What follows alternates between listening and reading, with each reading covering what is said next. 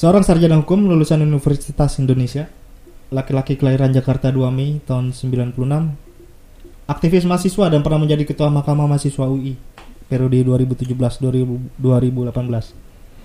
Saat ini beliau berprofesi sebagai politikus muda, anggota Dewan DPRD DKI Jakarta yang saat terpilih umurnya masih 23 tahun. Kiprahnya sebagai anggota dewan yaitu membongkar sejumlah kejanggalan APBD Provinsi DKI Jakarta yang paling hype itu waktu ngebongkar kasus Lema Ibon. Cuman seperti komitmen gue, gue nggak akan bahas soal politik di sini.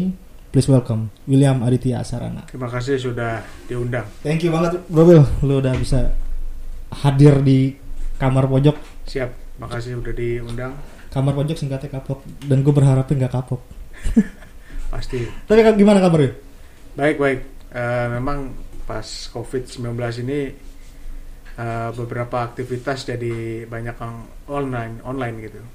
Semua semua Zoom meeting segala macam. Iya, jadi sebisa mungkin menghindari kontak fisik lah gitu. Kegiatan DPRD juga sekarang banyak yang online. Kayak kemarin musrenbang itu online gitu. Oh online, kirim ke kantor. Se apa namanya? Se DKI itu online sekarang. Ada Pak Gubernur di situ. Jadi online lah kita semua, banyakan online. Dari dari komisi lu doang tapi enggak. Ah, kemarin itu eh, dengan Pemprov juga kemarin dengan komisi-komisi lain juga. Itu di komisi bidang pemerintahan kan ya komisi, Komisi A. A. Komisi A ya. Komisi A bidang pemerintahan. Kirain masih tetap ngantor. Beberapa kali ngantor. eh, terakhir yang rapat besar itu rapat paripurna pemilihan wagub. Nah itu harus iya. ngantor. Iya iya itu. Karena kayaknya nggak mungkin bisa pakai voting kayaknya. Nah, pemilihan elektronik itu nggak bisa kita, Hmm, belum bisa. Datang rame-rame. PSBB sih berasa banget bro, bro buat gue. Berasa banget kalau gue kalau nah gue kan selain kerja kan memang ada beberapa pekerjaan di luar kayak Iya. gue reguler di kafe sedangkan sekarang tuh kafe stop loh. Kafe stop, acara wedding nggak boleh. Kacau lah pokoknya. Kalau lu selama PSBB nih, selama uh, pembatasan sosial berskala besar, ada nggak sesuatu yang berubah drastis? Yang paling drastis pastinya kegiatan-kegiatan DPRD itu banyak yang berhenti, ya. Mempengaruhi income mungkin misalkan? eh beberapa eh yang pasti pengeluaran tap lebih besar pengeluaran lebih besar karena kita membantu warga membantu pengurus bulan depan misalnya kita mau bagi-bagi beras Bansos, bansos. eh, bansos ya kan banyak masyarakat yang membutuhkan karena mereka nggak bisa kerja butuh masih butuh sembako masih butuh pasokan makanan kita coba bantu tapi banyak kegiatan-kegiatan DPRD yang nggak bisa dilaksanakan misalnya sosialisasi perda Oh ya, ya. kunjungan kerja Reses juga. reses nah ini kegiatan-kegiatan ini kan mengumpulkan orang makanya sampai sekarang nggak bisa dilakukan karena memang PSBB gitu. Betul betul betul. jadi banyak kegiatan yang nggak bisa dilaksanakan dan sekarang yang kita bisa lakukan ya rapat-rapat online komisi online kita berdiskusi online dengan pemprov DKI juga online sebisa mungkin kita mengurangi kontak fisik lah dengan uh, orang-orang Orang gitu Karena pas terakhir gue dengar ada satu yang kena tuh di langsung di steril. Iya, jadi sebenarnya sebenarnya bel- belum kena sih, baru suspek. Jadi Oh. ada dua orang dari PSI dan Gerindra. Mhm. Jadi dia mereka berdua suspek corona. Tapi setelah diperiksa ternyata nggak kena, negatif. negatif. Eh, tapi udah rame di media waktu itu, udah masuk TV juga, masuk media. Jadi akhirnya DPRD melaksanakan apa namanya pemeriksaan, pemeriksaan COVID buat anggota-anggota DPRD karena ada yang suspek dua orang. Iya, soalnya pas waktu itu staff lu tuh si Sindu yang nelpon, "Ning, eh, gedung DPRD ditutup di jam 2 lu jangan kemari." Gitu. Wah, jam 2 kenapa emang ada yang kena? Langsung Iya, disemprot disinfektan dari lantai 1 sampai lantai berapa. Ketat sekarang, masuk pun ketat. Eh, harus apa namanya pakai hand sanitizer, ada pengecekan suhu. Tembak. Jadi lebih ketat Iya. lah. Kayak macam di minimarket ditembak. Iya, sudah. ditembak. Sama pas kita masuk sini juga Tadi di ditembak. bawah ya, di bawah. Ditembak suhunya. Jadi gue seingat gue nih gue kenal sama William Aditya Sarana ini dari sejak 2018 pertengahan ya bro Will. ya? Iya. 2000 saat itu lu masih jadi caleg yang lagi hype-hype-nya kampanye ke sana sini. Lu nekat ikut mencalonkan diri dari cal eh, jadi caleg waktu itu gimana awal mulanya? Karena yang gua tahu lu tuh sempat ada tentangan dari keluarga dari Iya. bokap apa dari nyokap gitu yang nggak Iya. bolehin. Iya. Jadi Secara se- umur masih muda ya, banget kan? betul, betul. Itu boleh diceritain nggak bro gimana bro? Iya, jadi sebenarnya gue masuk politik itu secara natural. Jadi memang sejak SMA itu memang sudah suka banget dengan politik. Mm-mm.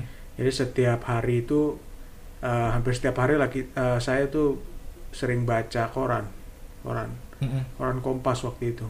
Jadi di sekolah ada koran kita baca. Eh, di situ gue melihat bahwa politik ini sangat-sangat berpengaruh buat kehidupan kehidupan kita pribadi gitu. Banyak orang yang eh, apatis dengan politik ya Mhm. menganggap bahwa politik itu tidak mempengaruhi kehidupan mereka. Mhm. Padahal politik itu akan menghasilkan produk hukum, undang-undang, peraturan daerah, Iya. di mana itu mengatur kehidupan kita, kehidupan kita sampai bahkan ke rumah gitu. Tapi kita, tapi waktu itu gue juga melihat politik ini kok banyak banget masalahnya. Setiap setiap ada koran tuh headline-nya pasti berita buruk di Mhm. politik. Nah itu membuat gue marah sebenarnya, marah dalam kondisi perpolitikan. Akhirnya gue masuk ke Fakultas Hukum. Di Fakultas Hukum gue ngambil hukum tata negara, jadi eh, belajar tentang ketatanegaraan, lah. Mhm. belajar hukum, belajar tentang eh, undang-undang dasar, belajar tentang eh, lembaga-lembaga eksekutif, legislatif, yudikatif. Nah di si- dari situ eh, mulai eh, juga berpolitik di kampus juga, di, jadi anggota kongres, jadi ketua mahkamah mahasiswa.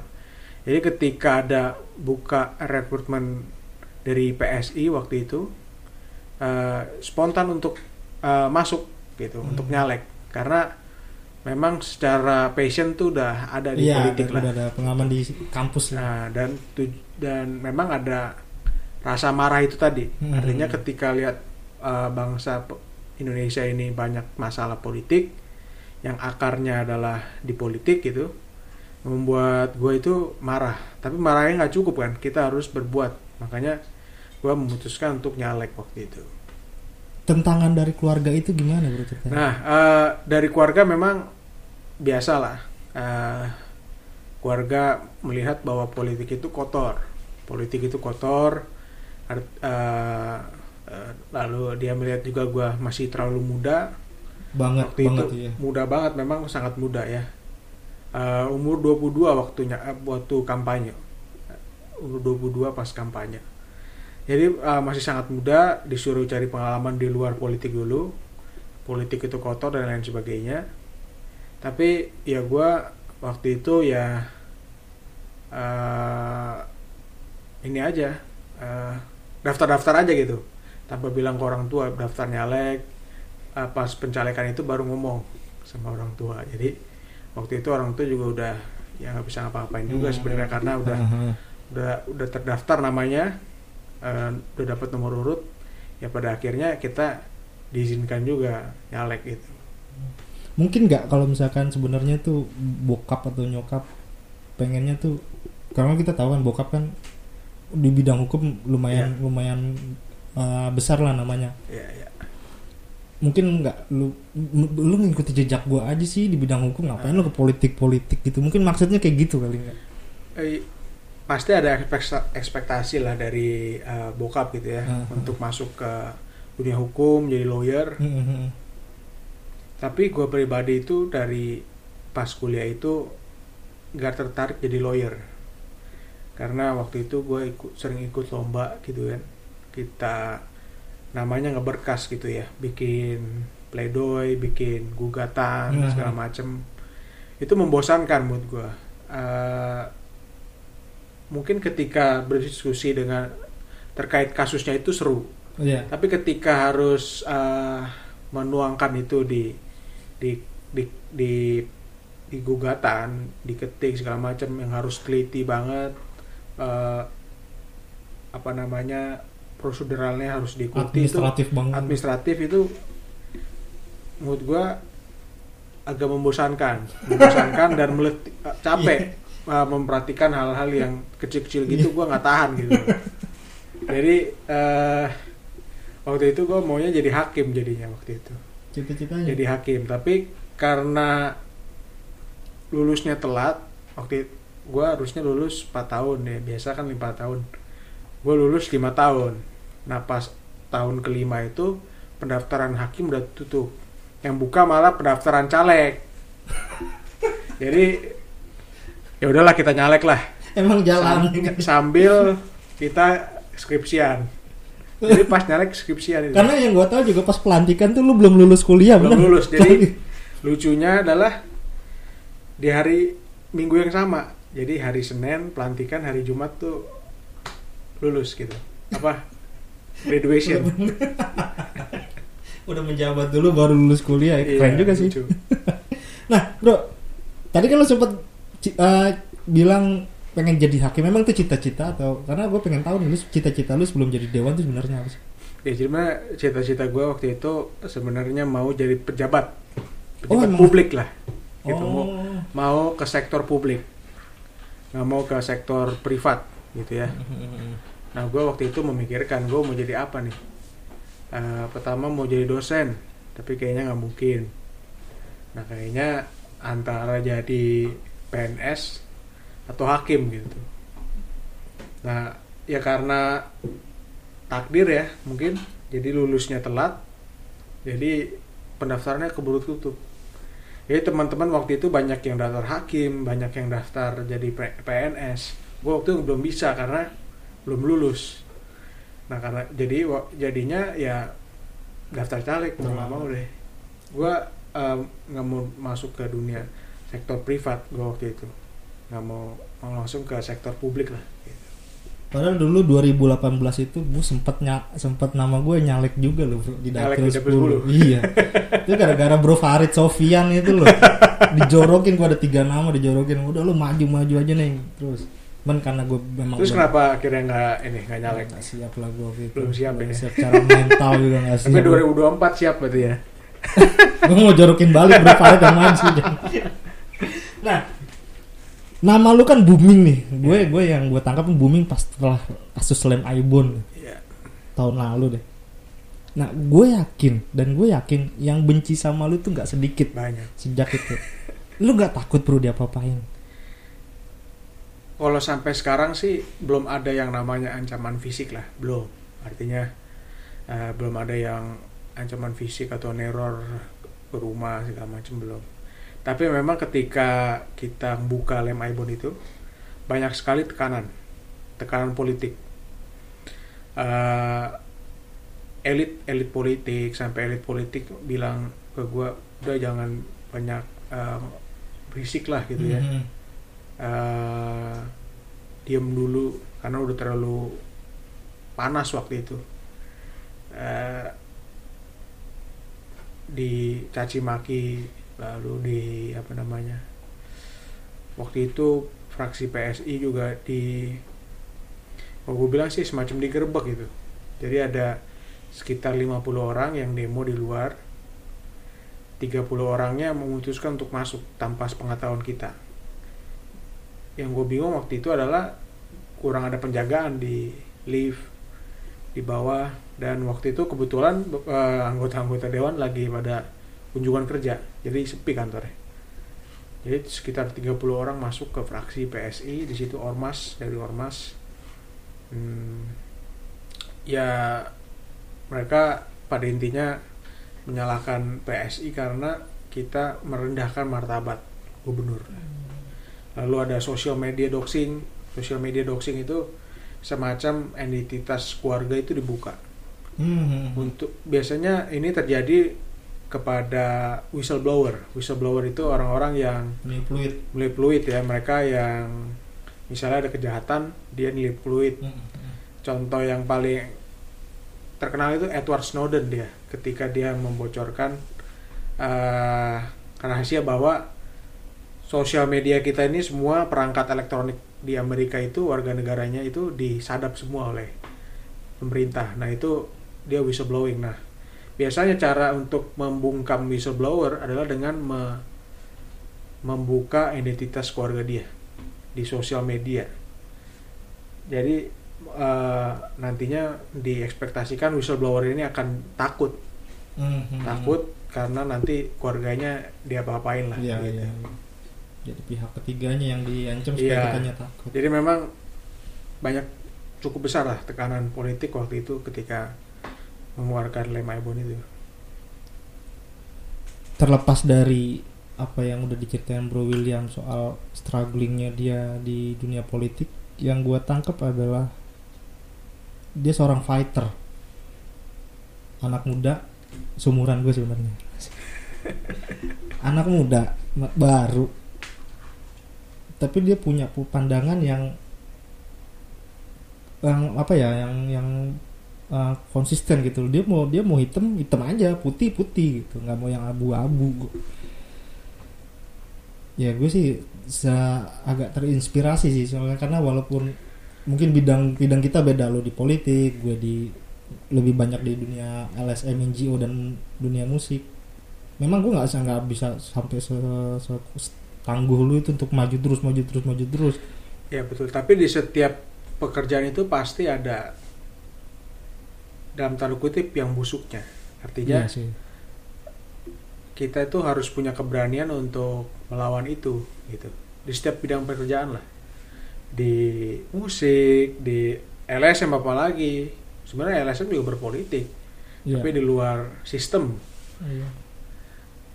Jadi menurut gue sih di setiap bidang pekerjaan itu pasti ada Sempet sih kita diundang orang sama yang bercokol di situ loh yang, Iya sih, sempet sih emang waktu itu ada undangan dari bendera warna merah juga sebenarnya, cuman be- beda lah nama. merahnya lebih tua ya. Iya. Karena salah satu petinggi kita juga orang situ. Siap, siap. Ada juga bendera kuning juga ada, wah banyak. Cuman kita kan sebagai orang bawah, tahunya kita menyebarkan informasi seputar Iya. HIV AIDS. Betul. Nah bro, belakangan ini lu lagi fokus banget nih gue perhatiin di Instagram soal COVID-19 lu apa minta Pak Gubernur untuk menyediakan Iya. menyediakan apa gor dan rumah Iya. susun ya kan. Cuman gue nggak bertanya sampai situ. Nah selain COVID, selain COVID-19 ada juga virus nih bro yang berbahaya. Lo tau nggak? Virus ini bisa mematikan, menular, menular. Namanya HIV. Lo tau soal HIV AIDS gak? Eh, sebenarnya nggak terlalu mendalam ya tapi yang gue tahu HIV ini memang eh menyebar pertama kali itu dari Afrika ya kalau nggak salah ya Ya. dari Afrika dari dari kera nggak salah ya Ya. dari kera eh, menyebar di seluruh dunia dan sampai sekarang belum ada obat yang ampuh ya Ih tahu lu dia lu. Tahu lu, gue pikir nggak tahu. Gue tadi briefingnya nggak sampai situ. Dia tahu lu sejarahnya juga. untuk itu- mengobati HIV lah setahu gue ada ya retro apa itu ya Anti retroviral. anti anti retroviral tapi itu belum menyembuhkan ya Enggak, belum. belum belum menyembuhkan Jadi eh, apa dia hanya menidurkan virusnya supaya nggak berkembang terlalu banyak dan memberi kesempatan sel darah putih kita untuk bagus kan. Karena kan Iya. yang serang kan imun-imun juga gitu. betul nah tapi menurut gua solusinya adalah pendidikan seksual Pendidikan seksual. nah di sekolah-sekolah itu belum ada secara kurikulum belum ada pendidikan seksual Kalau ngomong itu sebenarnya kita kalau setiap kali penyuluhan relawan-relawannya itu kalau penyuluhan itu ada yang namanya kita punya lima jurus A B C D E abstinent, be faithful dan C nya itu kondom. Hmm, hmm, Sedangkan betul. kondom ini kan kit- orang cara masang cara masang kondom aja masih ada yang nggak paham iya, mengenai iya, itu. iya.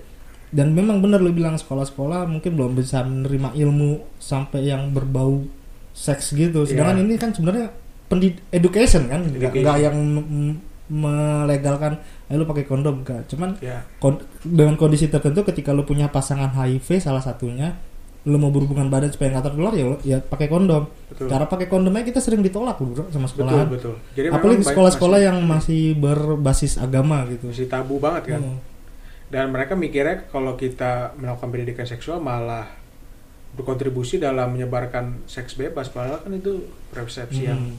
Keliru kan? Betul. Justru harus di pendi- harus ada pendidikan karena toh pasti anak-anak ini pasti tahu kan? Dari Akan tahu luar nantinya, dari iya. mendingan tahu dari sekolah daripada di luar dari sekolah. Karena di situ kan bisa dibimbing kan? Betul setuju itu gue setuju. Karena kalau misalkan dia tahu di luar sekolah dia tahu dan dia akan berpikir macam-macam macam-macam ketika dia tahunya di sekolah diarahin ternyata kondom itu gunanya buat ini bukan bukan buat yang dia tau di luaran sana. Betul dan cukup tinggi ya di DKI, DKI kan? DKI cukup kan? tinggi cukup tinggi. Penyebaran HIV itu. HIV AIDS -nya cukup tinggi. Masih nomor satu kalau nggak salah data kasusnya DKI Jakarta 5 tingkat DKI Jakarta Jawa Barat tuh. Jawa Barat ya? Mm-mm. yang religius juga tinggi ya kadang-kadang pemasoknya dari situ gue salut lu bro. Gue kagak nggak nggak nyangka lu bisa paham itu soal HIV memang HIV kan memang berbeda kan HIV virus Iya, iya. AIDS itu wah, masih di- masih orang menganggapnya AIDS itu penyakit padahal AIDS itu kumpulan gejala penyakit. HIV itu yang mengakibatkan AIDS ya? Virusnya ya benar lu bilang tadi eh, awal dari Afrika. Dulu namanya bukan HIV SIV Hmm. simian immunovirus. Jadi emang dari kera diburu dimakan bajunya dijadiin bermutasi gitu. Punya pengalaman gak bro soal HIV mungkin kerabat temen atau yang lainnya yang pernah ngurusin soal HIV teman kerabat sih belum ada yang kena AIDS ya belum sih. Eh, tapi memang eh, waktu di sekolahan itu udah mulai dididik lah soal penyakit penyakit itu.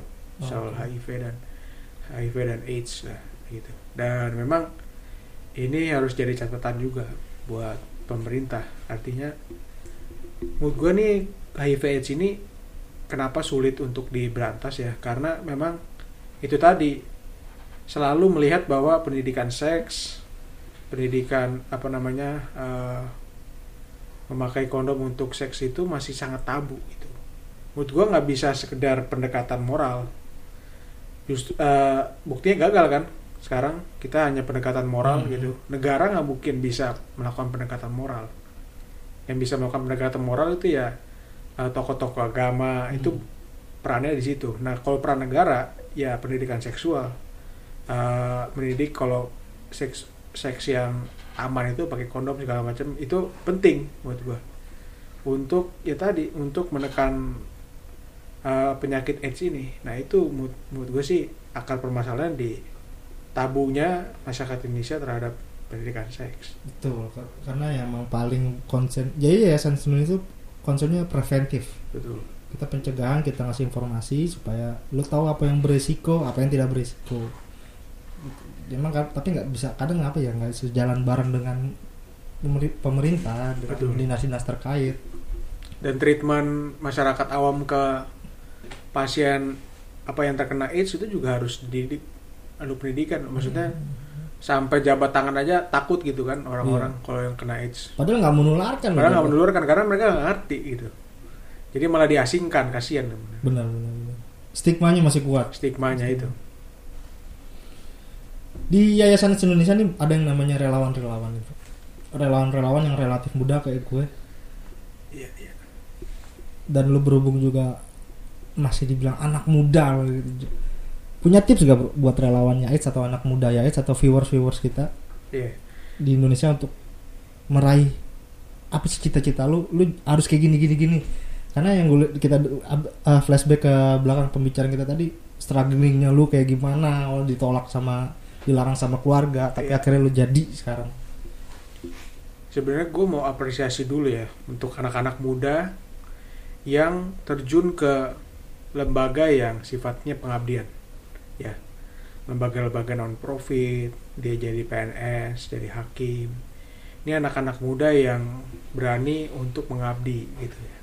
Bukan hanya sekedar untuk mencari uang. betul Nah, gue sangat mengapresiasi itu karena mungkin sekarang banyak anak muda yang yang orientasinya hanya uang gitu ya, cuma nyari uang, bekerja untuk sebanyak-banyaknya dapat uang dan tanpa memikirkan pengabdian dia ke masyarakat dan negara. Jadi gue sangat mengapresiasi bagi anak-anak muda yang terjun di yayasan AIDS, eh, anak-anak muda yang terjun di politik, anak-anak muda yang terjun di eh, di penyelenggara negara ini sangat saya apresiasi gitu. Maksud eh, mereka mau mengabdi ke negara. Eh, yang pastinya yang kedua adalah terus jaga idealisme kita. Hmm. kemewahan yang tidak dimiliki oleh generasi lain dan hanya dimiliki oleh generasi muda itu idealisme. Kemewahan yang tidak dimiliki oleh orang lain tapi dimiliki oleh anak muda adalah idealisme. Nah kita coba berkaca sama uh, staff sus milenial nih. Anak, anak ini anak muda ya juga ya ya ya. Nah, menurut gua kritik gua sama status milenial ini, mereka muda, oke bagus, cerdas, lulusan Harvard, lulusan Stanford. Tapi eh, untuk si Belva dan eh, Andi Taufan ini dipertanyakan idealismenya. Bagaimana bisa eh, perusahaan yang mereka punya itu ikut dalam proyek-proyek pemerintah? Itu kan idealismenya dipertanyakan. Harusnya secara idealis harusnya ketika mengabdi kepada negara itu lepaskan jabatan-jabatan di perusahaan-perusahaan mereka Oh. sehingga tidak terjadi konflik kepentingan. Jadi pesan saya sih anak muda itu tidak cukup kemudahan itu tidak cukup gitu ya. Tapi butuh kecerdasan, butuh uh, uh, kecerdasan, keberanian dan yang terakhir idealisme. Nah, tiga ini hal yang membuat anak muda itu bersinar nggak cukup ke anak muda saja nggak cukup. Butuh ilmu butuh keberanian dan butuh integritas atau idealisme itu tadi. Nah tiga hal ini yang menurut gue aset anak muda yang harus terus dijaga. Dan kita juga harus terima terus bimbingan ya dari generasi yang tua. Generasi kolonial. Generasi kolonial juga banyak ilmunya. Betul betul. Tiga tiga poin penting. Pertama tadi cerdas. Lo sebagai anak muda lo harus cerdas terus kedua lo harus berani berani ketiga lo harus idealis Ya. dengan tiga jurus itu tadi tipsnya William lo bisa mudah-mudahan bisa mencapai bukan mengejar ya tapi meraih gue nggak suka kata mengejar Ah. lebih baik meraih cita-cita atau impian yang memang udah lo set dari awal Hmm. untuk ke depan. Thank you banget Bro Will. Itu Thank you. inspiratif banget. Nah, di kapok di kamar pojok ada segmen namanya PSK, iya iya bukan penjajah seks komersial bukan. Tapi pertanyaan sampai kapok. Gue punya dua pilihan, ada 10 pertanyaan, dua pilihan, lu tinggal pilih, sebut aja. Nggak ada nggak ada benar, nggak ada salah, nggak ada reward, nggak ada punishment juga. Kita mulai ya. oke Hutan atau savana? hutan atau savana hutan Asia atau Eropa? Asia Punya uang dan punya utang atau tidak punya uang dan tidak punya utang?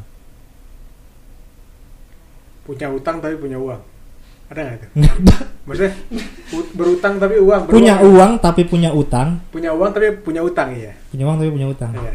Iya.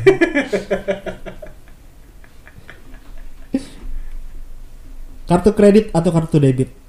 kartu debit lah Tadi katanya nggak mau demen ngutang.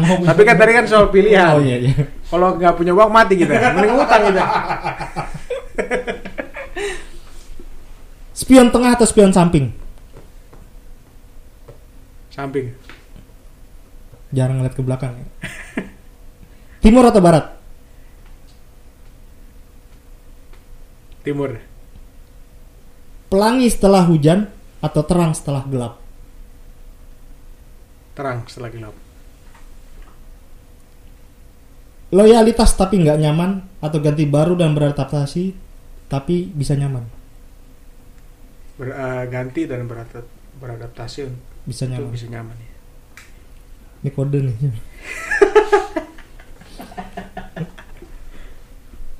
istri jago masak atau istri jago mijit?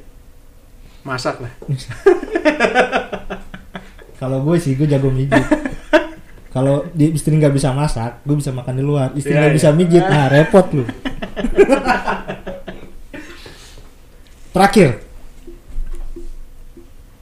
ya jadi anggota DPRD atau jadi wakil gubernur DKI? DPRD lah Luar biasa.